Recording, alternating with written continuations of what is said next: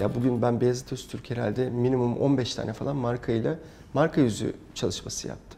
Şaka gibisin derler insana. Yani minimum 15 tane markanın marka yüzü Beyazıt Öztürk hangisinin ne olduğunu anlayabilir durumda değiliz. Ya da ben Kıvanç Tatlıtuğ'u geçen sene Coca-Cola reklamında gördüğüm zaman asansörde aa Coca-Cola mavi cins reklamı yapmış gibi oldu.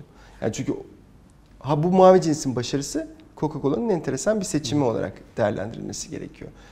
E, tutarlılık, sürdürülebilirlik. E, Gene de Özcan Deniz'den iyiydi. bak emin değilim. Harbi mi? Emin değilim. Mesela Pepsi'nin Seda Sayan kampanyası çok eleştirildi.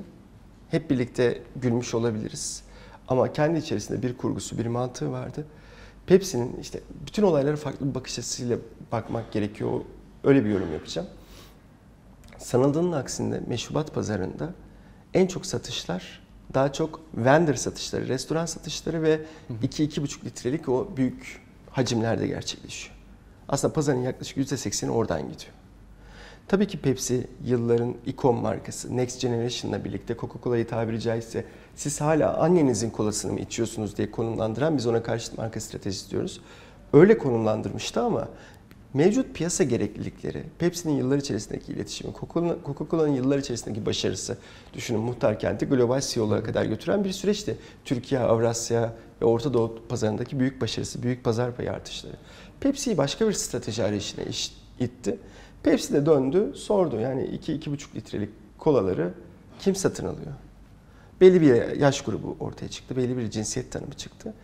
Onların kabul edebilecekleri, yakın durdukları ki Seda Sayan e, yıllardır işte reklam güven araştırmalarında ünlülere ilişkin yapılan tepe sıralarda çıkan bir isimdi. O zaman popülaritesi biraz daha fazlaydı. Pepsi böyle bir tercih yaptı.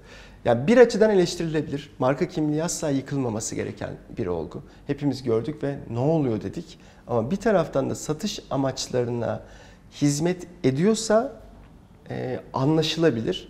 Ama orada da verilecek kararın stratejik ve çok zorlu bir karar olduğunu da kabul etmek lazım. Çünkü bir kere e, deprivation deriz ya biz ona yıpranma gibi diyelim. Markanın anlamını yıpratırsan bir şekilde e, imajını, kimliğini yıpratırsan onu tekrar hadi ben düzelteyim Britney Spears'la tekrar devam edeyim hikayesi çok kolay olmaz. Orada verilecek karar gerçekten e, hadi 40 satır mı 40 katır mı diye. Satış problemi var, pazar payı problemi var. Fakat satış satış hacmi geçici olandır. Bu yıl çok satarsın, seneye az satarsın.